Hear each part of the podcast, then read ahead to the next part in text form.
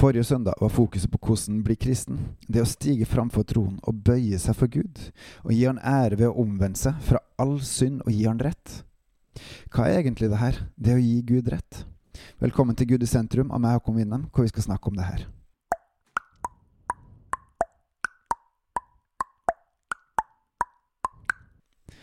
For så har Gud elska verden, at han ga sin sønn, den enbårne, for at hver den som tror på han, ikke skal fortapes, men ha evig liv.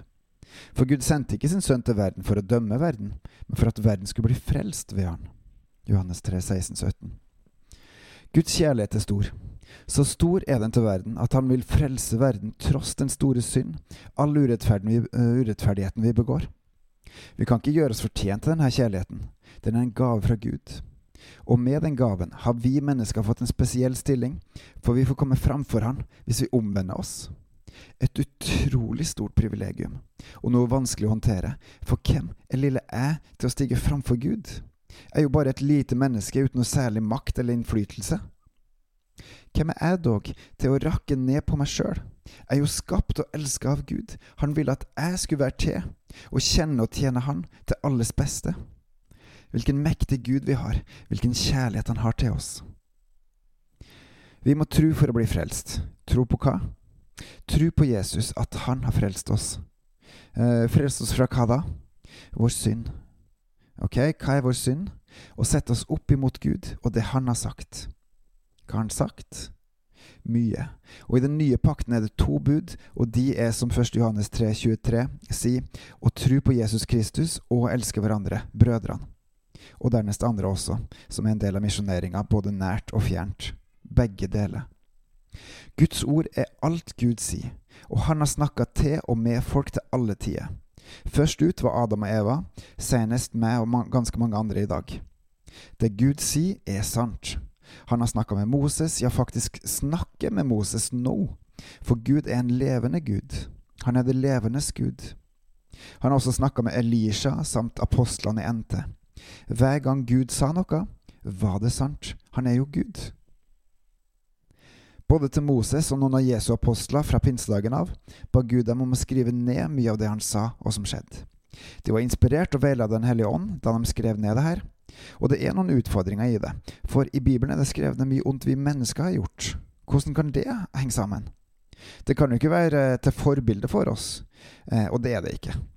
Heller er det til skrekk og advarsel at det skjer med de som ikke følger Herren med hjertet, men gjør helt delvis opprør mot Gud.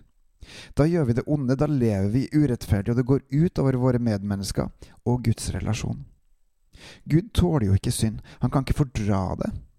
Hvordan våger vi å gjøre slikt opprør når vi veit at straffa venter på oss, at vi ødelegger våre liv og får evig straff, en evig død i helvete? Derfor er frykten for Herren begynnelsen til visdommen, for det skaper rettferdighet og gir evig liv med Han. Derfor er Bibelens ekthet, også om det onde, så viktig og verdifull, for at vi ikke skal gjøre de samme feilene. Videre kan det være vanskelig å vite når og hvor mye menneskelig som har sneket seg inn i de brevene rullene som f.eks. apostlene skrev. Paulus sjøl sier i Korinterbrevet at noe har han av seg sjøl, og noe har han fra Gud. Noe i Bibelen er deskriptivt, altså bare en gjenfortelling av en viss situasjon, f.eks. da Paulus møtte Jesus på veien til Damaskus, mens annet er normativt, altså noe som er norm, noe som gjelder alltid, For eksempel, elsk hverandre slik Jesus elska oss. Jesus kom ikke for å dømme verden, men for å frelse den. Gjennom Bibelen forteller Gud oss, gjennom det gode og det onde med alle livets falsetter, hvordan vi kan bli frelst.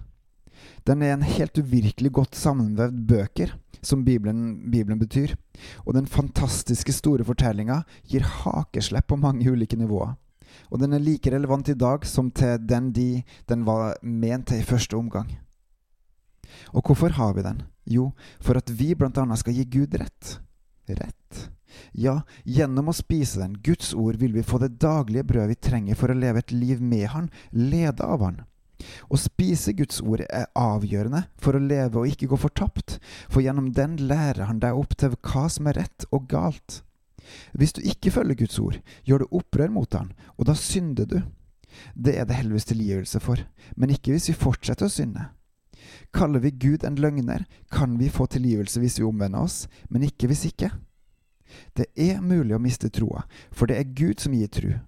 Og den som gjør opprør mot Gud og går sin egen vei, vil miste trua. Med mindre man tar imot Guds utstrakte hånd, slik blant annet kong David gjorde og omvendte seg. Eier vi ingen frykt i Norge for Gud og hans allmakt og straff? Hvordan våger vi å si Har Gud virkelig sagt? Nei, still heller Gud Den hellige ånd spørsmålet. Gud, jeg forstår ikke. Hva betyr det her? Hjelp meg til å forstå, og lev det. Da vil Han lære oss opp til å følge Han, hvis vi tillater Han å snakke inn i våre liv, og vi velger å handle på det, leve det ut. Det er ikke alltid enkelt, men vi har en far som elsker oss, og som har lovet oss å alltid være med oss, så lenge vi følger Han. Vi er ikke alene, vi har vunnet. Fullfør løpet, så venter seierskransen på hver den som tror, ved jordelivets ende. Tenk hvor heldige vi er som får gå rundt på jorda med Gud ved vår side, som en gigantisk storebror som passer på oss. Han, Gud, er med når vi er med Han. Bebels og på gjenhør.